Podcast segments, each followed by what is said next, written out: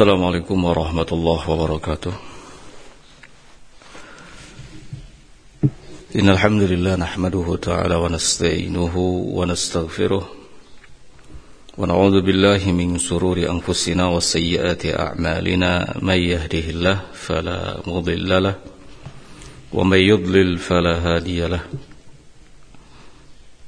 أشهد أن لا إله إلا الله وحده لا شريك له وأشهد أن محمدا عبده ورسوله. يقول الله عز وجل في كتابه الكريم يا أيها الذين آمنوا اتقوا الله حق تقاته ولا تموتن إلا وأنتم مسلمون. أما بعد فإن أصدق الحديث كلام الله تعالى وخير الهدي هدي محمد صلى الله عليه وعلى آله وسلم. وشر الأمور محدثاتها فإن كل محدثة في دين الله بدعة وكل بدعة ضلالة وكل ضلالة في النار Hadirin kaum muslimin rahimakumullah Pada pagi hari ini Alhamdulillah kita dipertemukan kembali dan insyaallah kita akan melanjutkan kajian atau pembahasan Kitabul Jami' dari kitab Bulughul Maram. Kali ini kita memasuki pembahasan hadis yang keempat Hadis yang keempat dari bab tentang adab. Hadis yang dimaksud qala rahimahullahu taala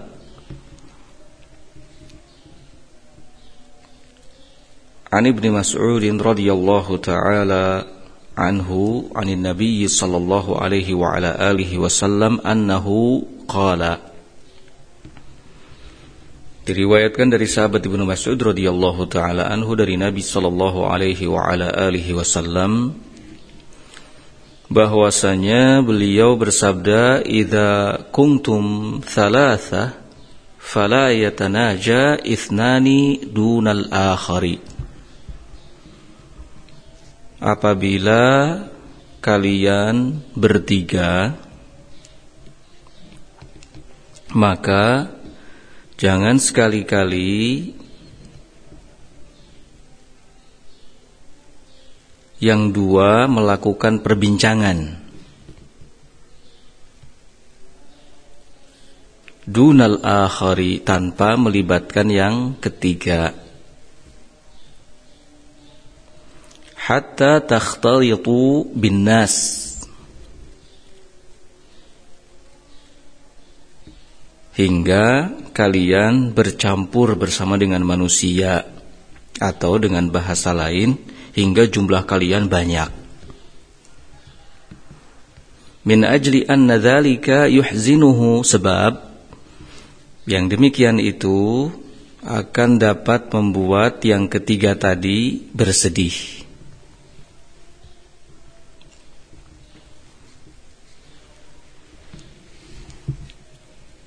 Syekh Abdul Aziz bin Baz rahimahullahu taala dalam uraiannya mengatakan wahada wadihun.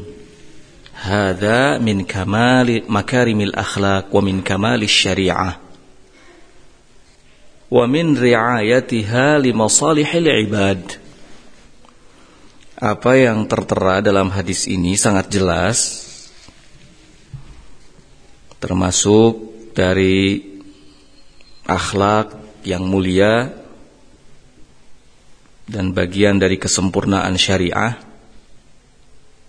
serta upaya penjagaan syariat terhadap kemaslahatan-kemaslahatan hamba. Kenapa demikian? Fa innal jama'ata idza kanu thalathatan وتحدث إثنان سرا شق على ثالث Karena kalau ada sekelompok orang berjumlah tiga, tiga ya. kemudian yang duanya berbincang-bincang secara rahasia terpisah syaqqa ala thalith tentu yang demikian itu akan memberatkan yang ketiganya. Yang dua asik ngobrol ke sana kemari sementara yang satu orangnya dibiarkan tidak dilibatkan dalam obrolan itu. Jelas ini akan membuatnya berat. Membuat yang ketiga menjadi berat wa khafa an yakuna hadithahuma fihi dan yang ketiga ini orang yang ketiga ini merasa khawatir kalau kalau pembicaraan yang dilakukan oleh keduanya tadi ya, itu tentang dirinya. Fala yang bagi dalika maka yang demikian itu tidak pantas. Bal yang bagi an yakuna hadithuhum mushtarikan. Yang sepatutnya adalah hendaknya obrolan mereka itu dilakukan secara mushtarikan bersama-sama.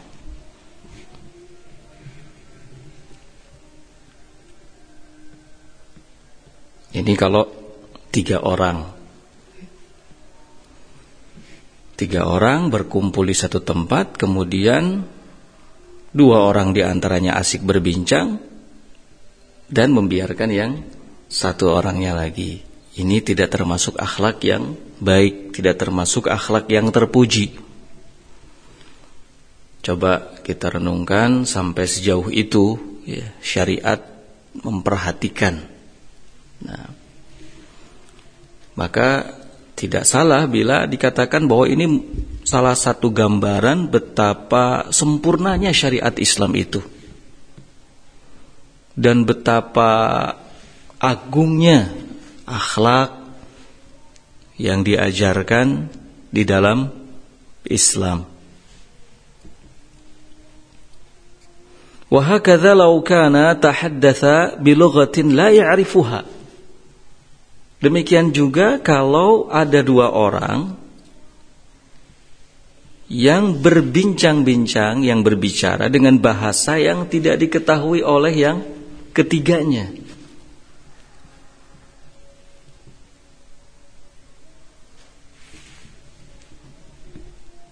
Hada mithlut tasar, mithlus sir. Jelas ini seperti pembicaraan yang sifatnya rahasia. Ka'an la ya'rif al-injilijiyah wa tahaddatha biha wa huwa hadirun. Aw ghayraha min al-lughati allati yajhaluha fala yaliqu. Misalnya orang yang ketiga ini tidak mengerti bahasa Inggris. Kemudian yang dua orang di antaranya mereka keduanya ngobrol berbincang dengan menggunakan bahasa Inggris sementara yang ketiganya ada di samping keduanya. Atau dengan bahasa-bahasa lainnya yang tidak diketahui oleh yang ketiganya. Fala yaliqu maka ini sesuatu yang tidak pantas. Tindakan yang seperti ini sep, apa jelas seperti menyengaja. Ya. lain halnya kalau banyak orang. Tidak hanya bertiga bersepuluh bersebelas atau berdua puluh misalnya. Kemudian ada di antaranya dua orang yang menggunakan bahasa daerah. Gak masalah. Tidak akan membuat tersinggung yang lainnya. Tapi kalau jumlahnya hanya bertiga, duduk di satu tempat, tidak berjauhan, yang dua asik berbincang dengan bahasa daerah, kemudian yang ketiganya dibiarkan, nah ini bisa menimbulkan ketersinggungan. Ini akhlak yang tidak pantas. Hada mithlusir ini jelas seperti pembicaraan yang sifatnya rahasia, bisikan-bisikan. Ya.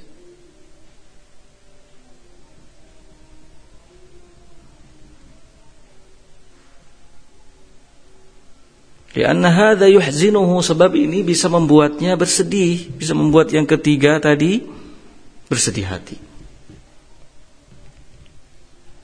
Makanya dalam Al-Qur'an Allah Subhanahu wa taala melarang atau menegaskan bahwa an-najwa berbisik-bisik, berbincang secara rahasia itu dari setan. Innaman najwa minasyaitan liyahzunal ladzina amanu. Sesungguhnya perbicaraan yang sifatnya bisik-bisik itu dari setan untuk membuat sedih orang-orang yang beriman. Kalau ada pembicaraan yang dilakukan secara rahasia, nah itu kita harus waspada.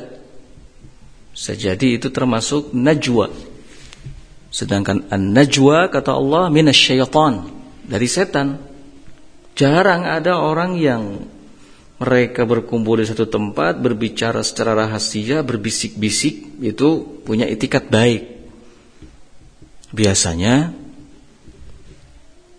mereka sedang menyusun sesuatu, sedang merencanakan sesuatu. Nah, dua orang yang berbicara kemudian tidak melibatkan yang ketiganya maka apa yang mereka lakukan itu adalah najwa. Karenanya dalam hadis bahasanya fala yatanaja. Jangan sampai dua orang berbicara berbisik-bisik berbincang-bincang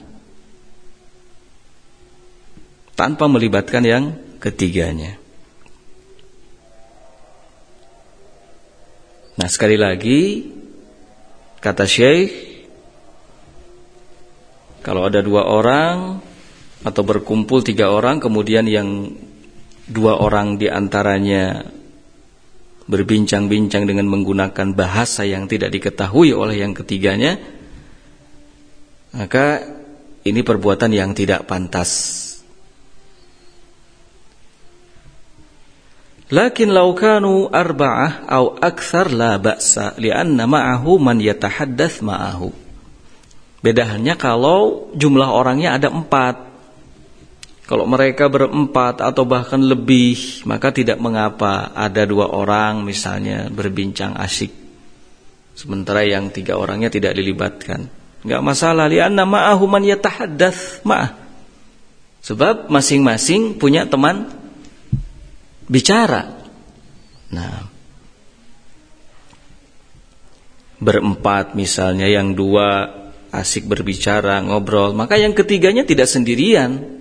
Dia juga punya teman ya, yang bisa diajak ngobrol yang keempatnya. Qala wa yaltahiqu bihadza law kanu arba'atan fala yatahaddats thalatha sirran aw bi lughatin ajnabiyyatin anhu fa innahu yuhzinuhu aidan. Namun ya. Namun masuk dalam larangan yang disebutkan di hadis tadi kalau ada empat orang berkumpul ya kalau ada empat orang berkumpul la yatahaddatsu salasah maka yang tiga orang jangan sampai berbincang-bincang secara rahasia atau menggunakan bahasa asing dan tidak melibatkan yang keempatnya. Fa innahu yuhzinuhu sebab yang demikian itu bisa juga membuatnya sedih. Nah, ini juga yang harus diperhatikan. Empat orang juga bisa jadi masuk atau terkena larangan yang disebutkan dalam hadis. Kalau yang tiganya asyik berbincang, asyik ngobrol, dan membiarkan yang keempatnya. Ini butuh untuk diperhatikan ya. Qala kadzalika law kanu khamsah wa yatasar arba'ah wa yad'u wahidan مثل ما في الثلاثة سواء بسواء حتى يختلطوا بالناس كذلك لو كانوا خمسة Tidak jauh beda juga kalau seandainya mereka berkumpul lima orang. Lalu yang empat berbincang, berbisik-bisik, ngobrol, asik. Wayada'u wahidan dan membiarkan yang kelimanya. Ini sama persis seperti Tiga orang tadi. Yang dua asik berbincang, yang satu dibiarkan. Atau yang ketiganya dibiarkan. Sawaun bisawa, sama persis. Artinya dilarang juga. Hatta yakhtalitu bin nas. Hingga mereka bercampur dengan manusia. Berbaur dengan manusia. Maksudnya hingga jumlahnya ya sangat banyak dan tidak ada yang merasa dikucilkan. Nah,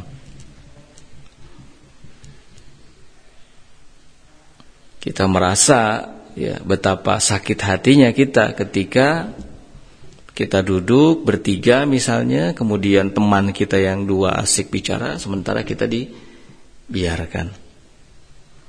Ya, ini apa yang disampaikan oleh Nabi alaihi salatu wassalam dalam rangka menjaga perasaan. Agar jangan sampai ada yang tersinggung. Agar jangan sampai ada yang merasa tidak diperdulikan sehingga bisa menimbulkan kebencian, kemarahan, perselisihan. Nah, upaya dari syariat untuk menjaga selalu apa yang disebut dengan kebersamaan. Nah.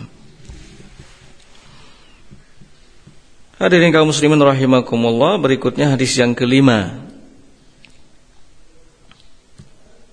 An Ibnu Umar radhiyallahu taala anhuma anin Nabi sallallahu alaihi wa ala alihi wasallam qala. Hadis dari Ibnu Umar dari Nabi Shallallahu alaihi wa ala alihi wasallam beliau bersabda la yuqimu rajulu rajula min majlisihi thumma yajlisu fihi walakin tafassahu wa tawassa'u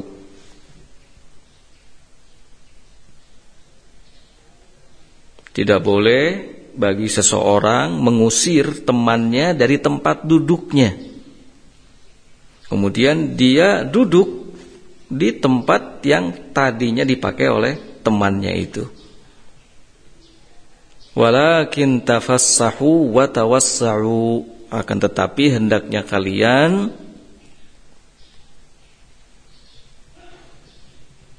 melonggarkan dan melapangkan tempat.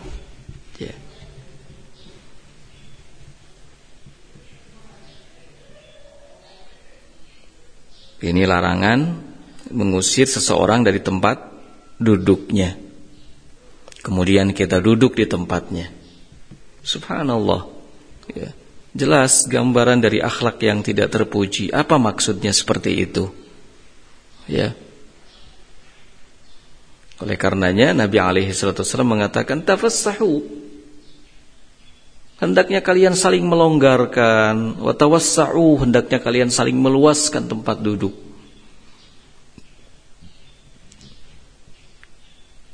Dalam uraiannya, Syekh bin Bas rahimahullah mengatakan fihil adabu asy-syar'i. Dalam hadis ini ada ajaran tentang adab syar'i. Al-insanu ma yuqimu akhahu min majlisihi. Seseorang tidak boleh mengusir saudaranya dari tempat duduknya. La fil masjid tidak di dalam masjid wala fi ghairil masjid tidak pula di selain masjid.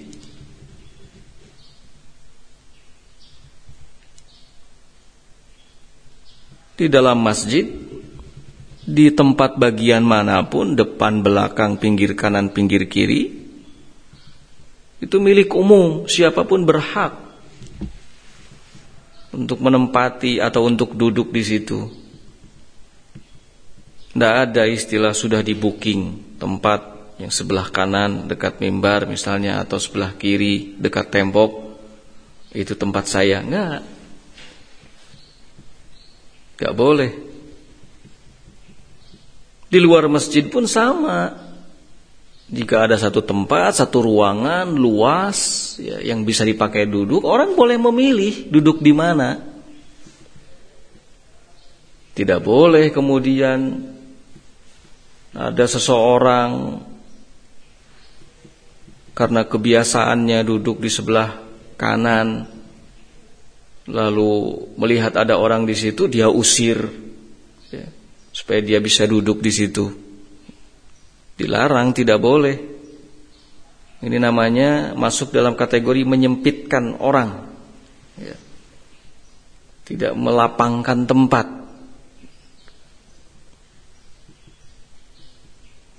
Jadi jangan sampai ada seseorang yang mengusir saudaranya dari tempat duduknya. Baik di masjid maupun di luar masjid. Li'annahu aghna minhu aw li'annahu arfa'u minhu ingdan nas la. Dengan alasan apa pun misalnya dengan alasan karena dia lebih berhak dari saudaranya atau lebih tinggi kedudukannya di tengah-tengah manusia atau dengan alasan yang lain tidak enggak boleh kata Syekh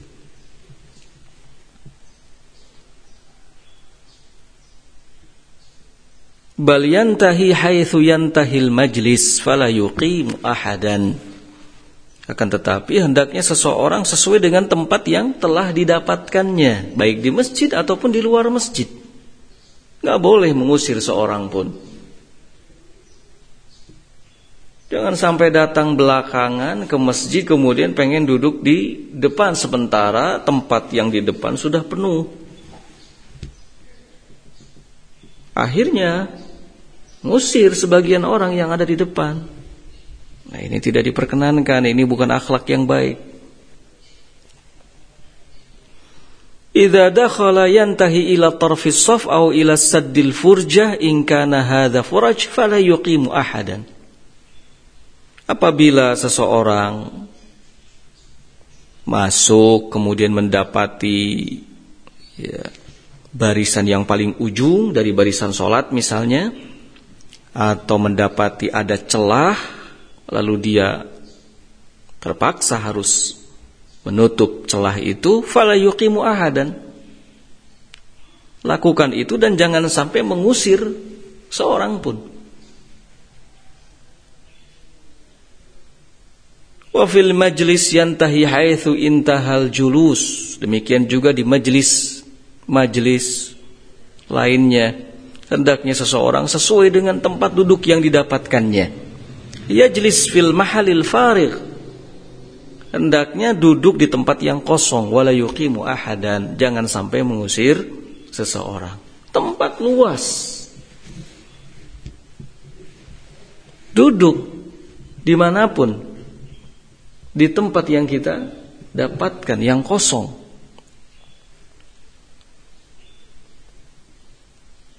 Nah. Lakin law atharahu ahadun itharan tatibu nafsu bihi fala ba'sa. Namun kalau ada seseorang yang memberi tempat misalnya dengan kerelaan hatinya fala ba'sa maka tidak mengapa. Kita masuk masjid atau masuk sebuah majlis lalu ada orang yang dengan kerelaan hatinya dengan kelapangannya mempersilahkan untuk kita duduk di tempatnya maka tidak mengapa kita duduk di tempatnya Wa kana Ibnu Umar radhiyallahu taala anhuma la yaqbalul ithar.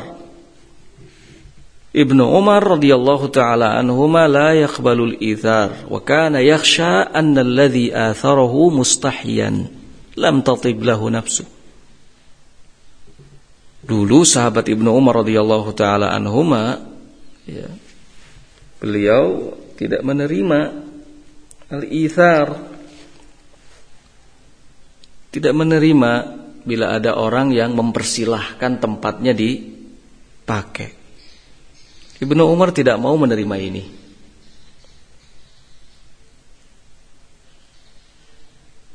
Beliau khawatir orang yang mempersilahkan untuk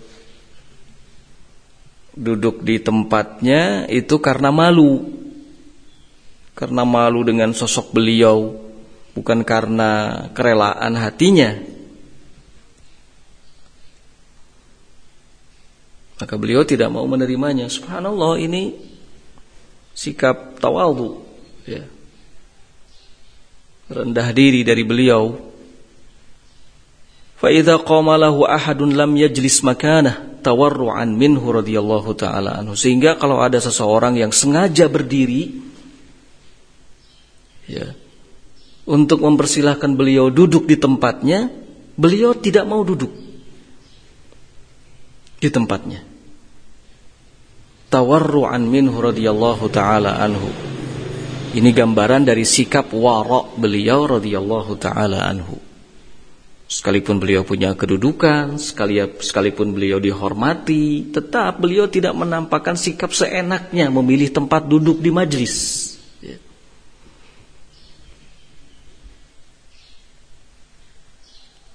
Dan sudah maklum biasa dalam pergaulan kita sehari-hari di tengah-tengah masyarakat biasanya kalau ada orang yang terpandang, orang yang dianggap mulia itu dicarikan tempat ya, tempat yang paling baik, tempat yang paling nyaman. Nah, dalam rangka memberikan penghormatan kepadanya. Tapi sahabat Ibnu Umar tidak demikian. Beliau khawatir, beliau tidak mau.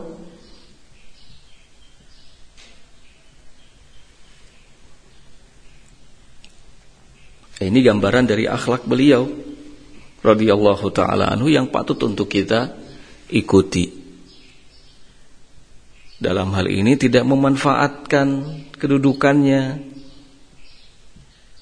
tidak memanfaatkan perlakuan manusia dalam hal memberikan penghormatan kepadanya untuk melakukan tindakan yang semena-mena menampakkan diri seperti raja yang ingin selalu dimuliakan, dihormati. Nah, ada kan orang yang seperti itu sekarang? Ketika merasa banyak orang yang memberikan penghormatan kepadanya kemudian melakukan tindakan semena-mena.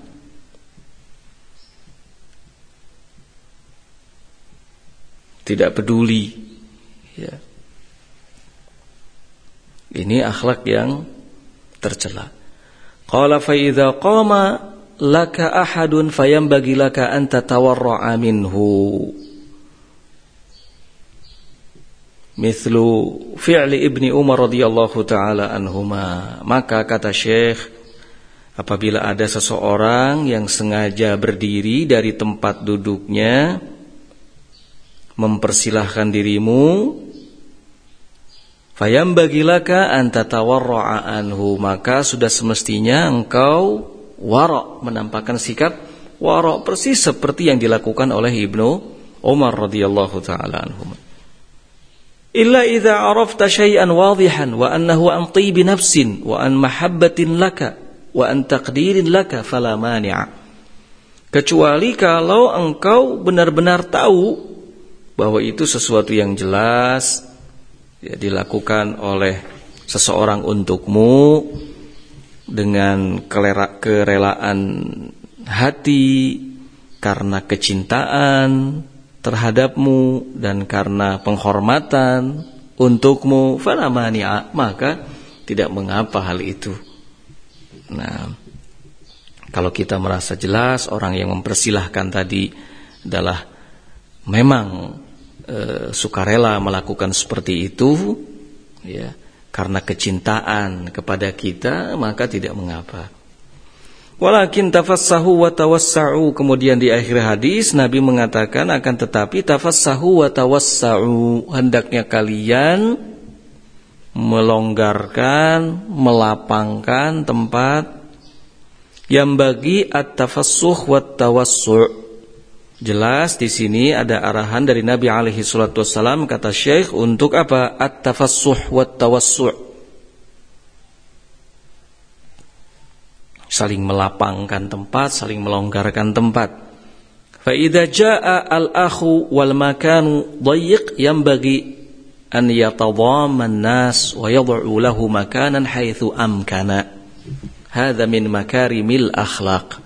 Fa idza ja'al akh kalau datang seseorang wal makanu dhayyik kemudian tempatnya sempit maka hendaknya semua orang merapat ya lebih merapatkan lagi wa yad'u lahu makanan haitsu amkan dan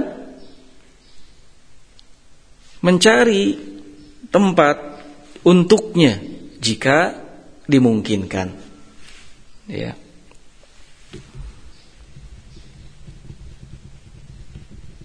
Hadza min makarimil akhlak ini termasuk akhlak yang mulia. Nah, satu tempat, satu majelis misalnya udah nampak penuh ini. Sudah nampak penuh ya. Kemudian datang seseorang, tetap harus berusaha semua orang yang ada di tempat itu untuk lebih merapatkan lagi sehingga ada celah. Ada tempat yang longgar yang dimungkinkan untuk bisa dipakai duduk.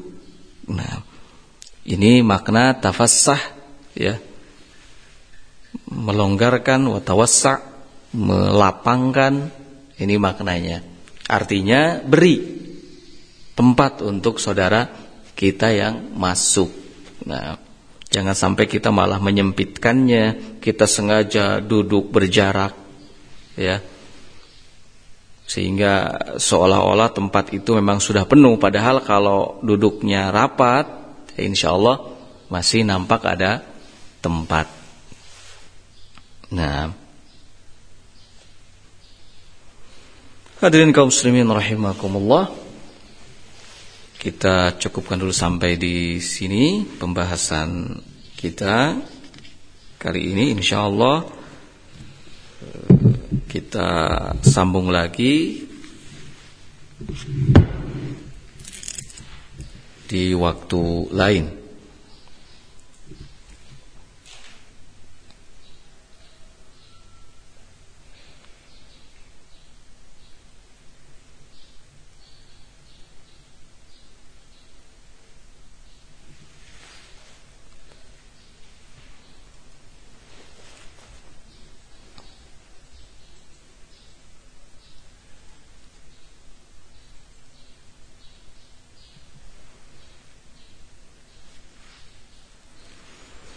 Baik, e, sebelum ditutup ada pertanyaan yang masuk di sini.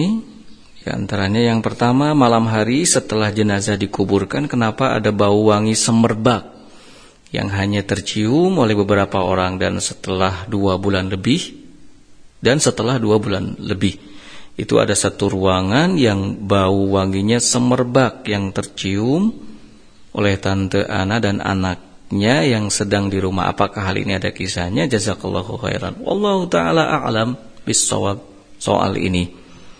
Ya. Kalau soal bau wangi, ya mungkin saja itu ada orang yang menabur wewangian. Mungkin saja yang kita tidak tahu.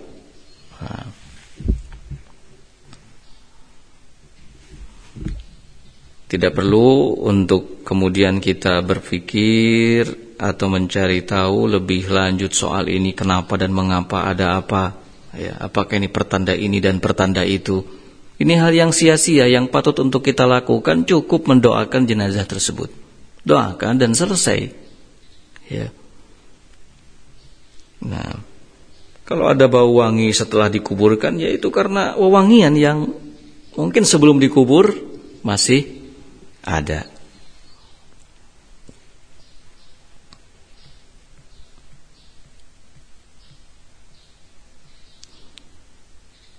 Bismillah, semoga Ustaz selalu dalam lindungannya Afwan. Ustaz, bagaimana hukum VC, video call yang sekarang rame? Video call dilakukan oleh Abi kepada istrinya, kepada anak-anaknya ketika lagi jauh. Dilakukan oleh ikhwa dengan ikhwa, atau dilakukan juga oleh ikhwa dengan ikhwa. Apakah melanggar hukum gambar? E, yang jelas dalam hal ini, ya, jika tidak ada satu kepentingan yang mendesak sebaiknya dihindari. Nah,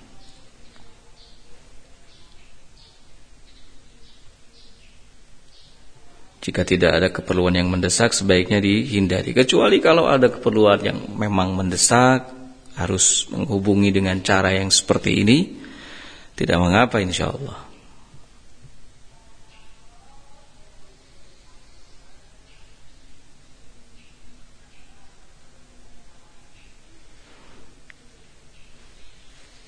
Assalamualaikum warahmatullahi Ustaz Apa hukum mondokan anak perempuan dengan jarak safar tanpa mahram? Nah, warahmatullahi wabarakatuh.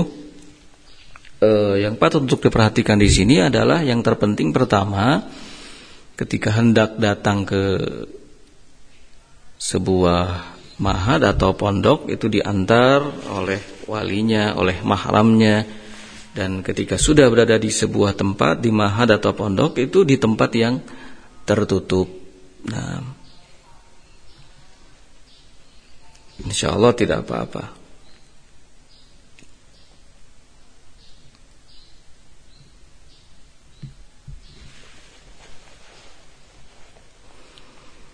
Salat sunnah apa saja yang dicontohkan oleh Rasulullah Benarkah ada pembagian salat sunnah yang muakkad dan gairu muakkad? Nah, salat sunnah yang dilakukan oleh Rasulullah Shallallahu Alaihi Wasallam banyak di antaranya seperti rakaat al-fajr dua rakaat yang dilakukan sebelum subuh, kemudian ada juga salat-salat rawatib, ya. Nah, ada juga salat-salat rawatib seperti empat rakaat sebelum duhur, dua rakaat atau empat rakaat setelahnya, empat rakaat sebelum asar, dua rakaat setelah maghrib, dua rakaat setelah isya. Nah, ada juga salat-salat sunnah lainnya seperti qiyamul lail dan seterusnya.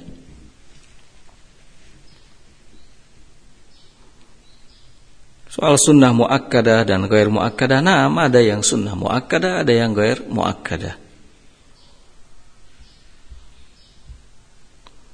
Apakah sholat witir bisa dilakukan setelah badal isya dengan alasan takut bangun kesiangan di waktu fajar? Naam, sholat witir bisa dilakukan di awal malam, di pertengahan malam, di akhir malam. Naam, bisa sholat witir satu rakaat, tiga rakaat, lima rakaat dan seterusnya. Kata Nabi Alaihissalam, "Man ahabba an yutir bi khamsah falyaf'al." Wa man ahabba an yutir bi thalatha falyaf'al wa man ahabba an yutir bi wahidah. Siapa yang ingin salat witir dengan lima rakaat silahkan lakukan. Yang ingin witir dengan tiga rakaat silahkan lakukan. Yang ingin witir dengan satu rakaat pun tidak mengapa silahkan dilakukan. Nah,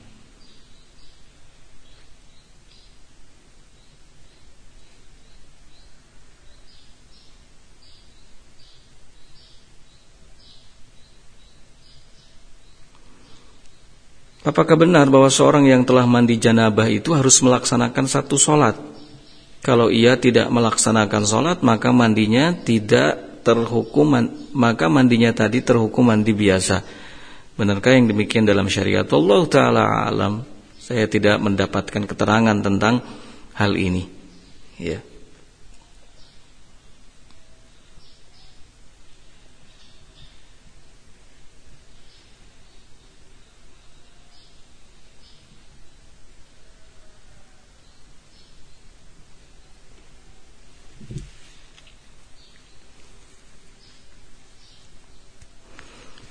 Bismillah Ana Dedi dari Palembang Kabupaten. Nah, mau tanya, apakah ucapan para ulama itu termasuk dalil? Ucapan para ulama termasuk dalil kalau didukung dengan dalil baik dari Al-Qur'an maupun dari As-Sunnah. Sebab dalil itu adalah kitabullah dan sunnah Rasul sallallahu alaihi wa ala wasallam. Jika tidak ada dalil dari Quran dan sunnah maka ada ijtihad para ulama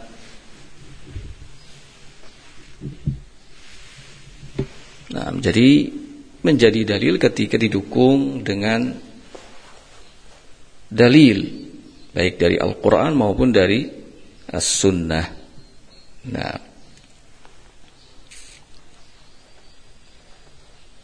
dan para ulama ketika mereka berijtihad maka itu berdasarkan dalil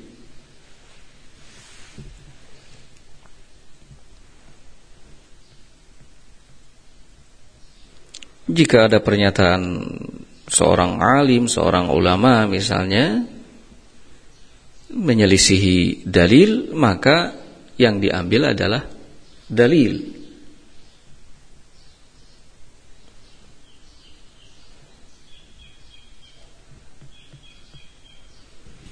Wallahu taala alam bisawab itu nampaknya yang dapat disampaikan pada pagi hari ini. Subhanakallahumma bihamdik, asyhadu an la ilaha illa anta, astaghfiruka wa atubu ilaik. Walhamdulillahirabbil alamin.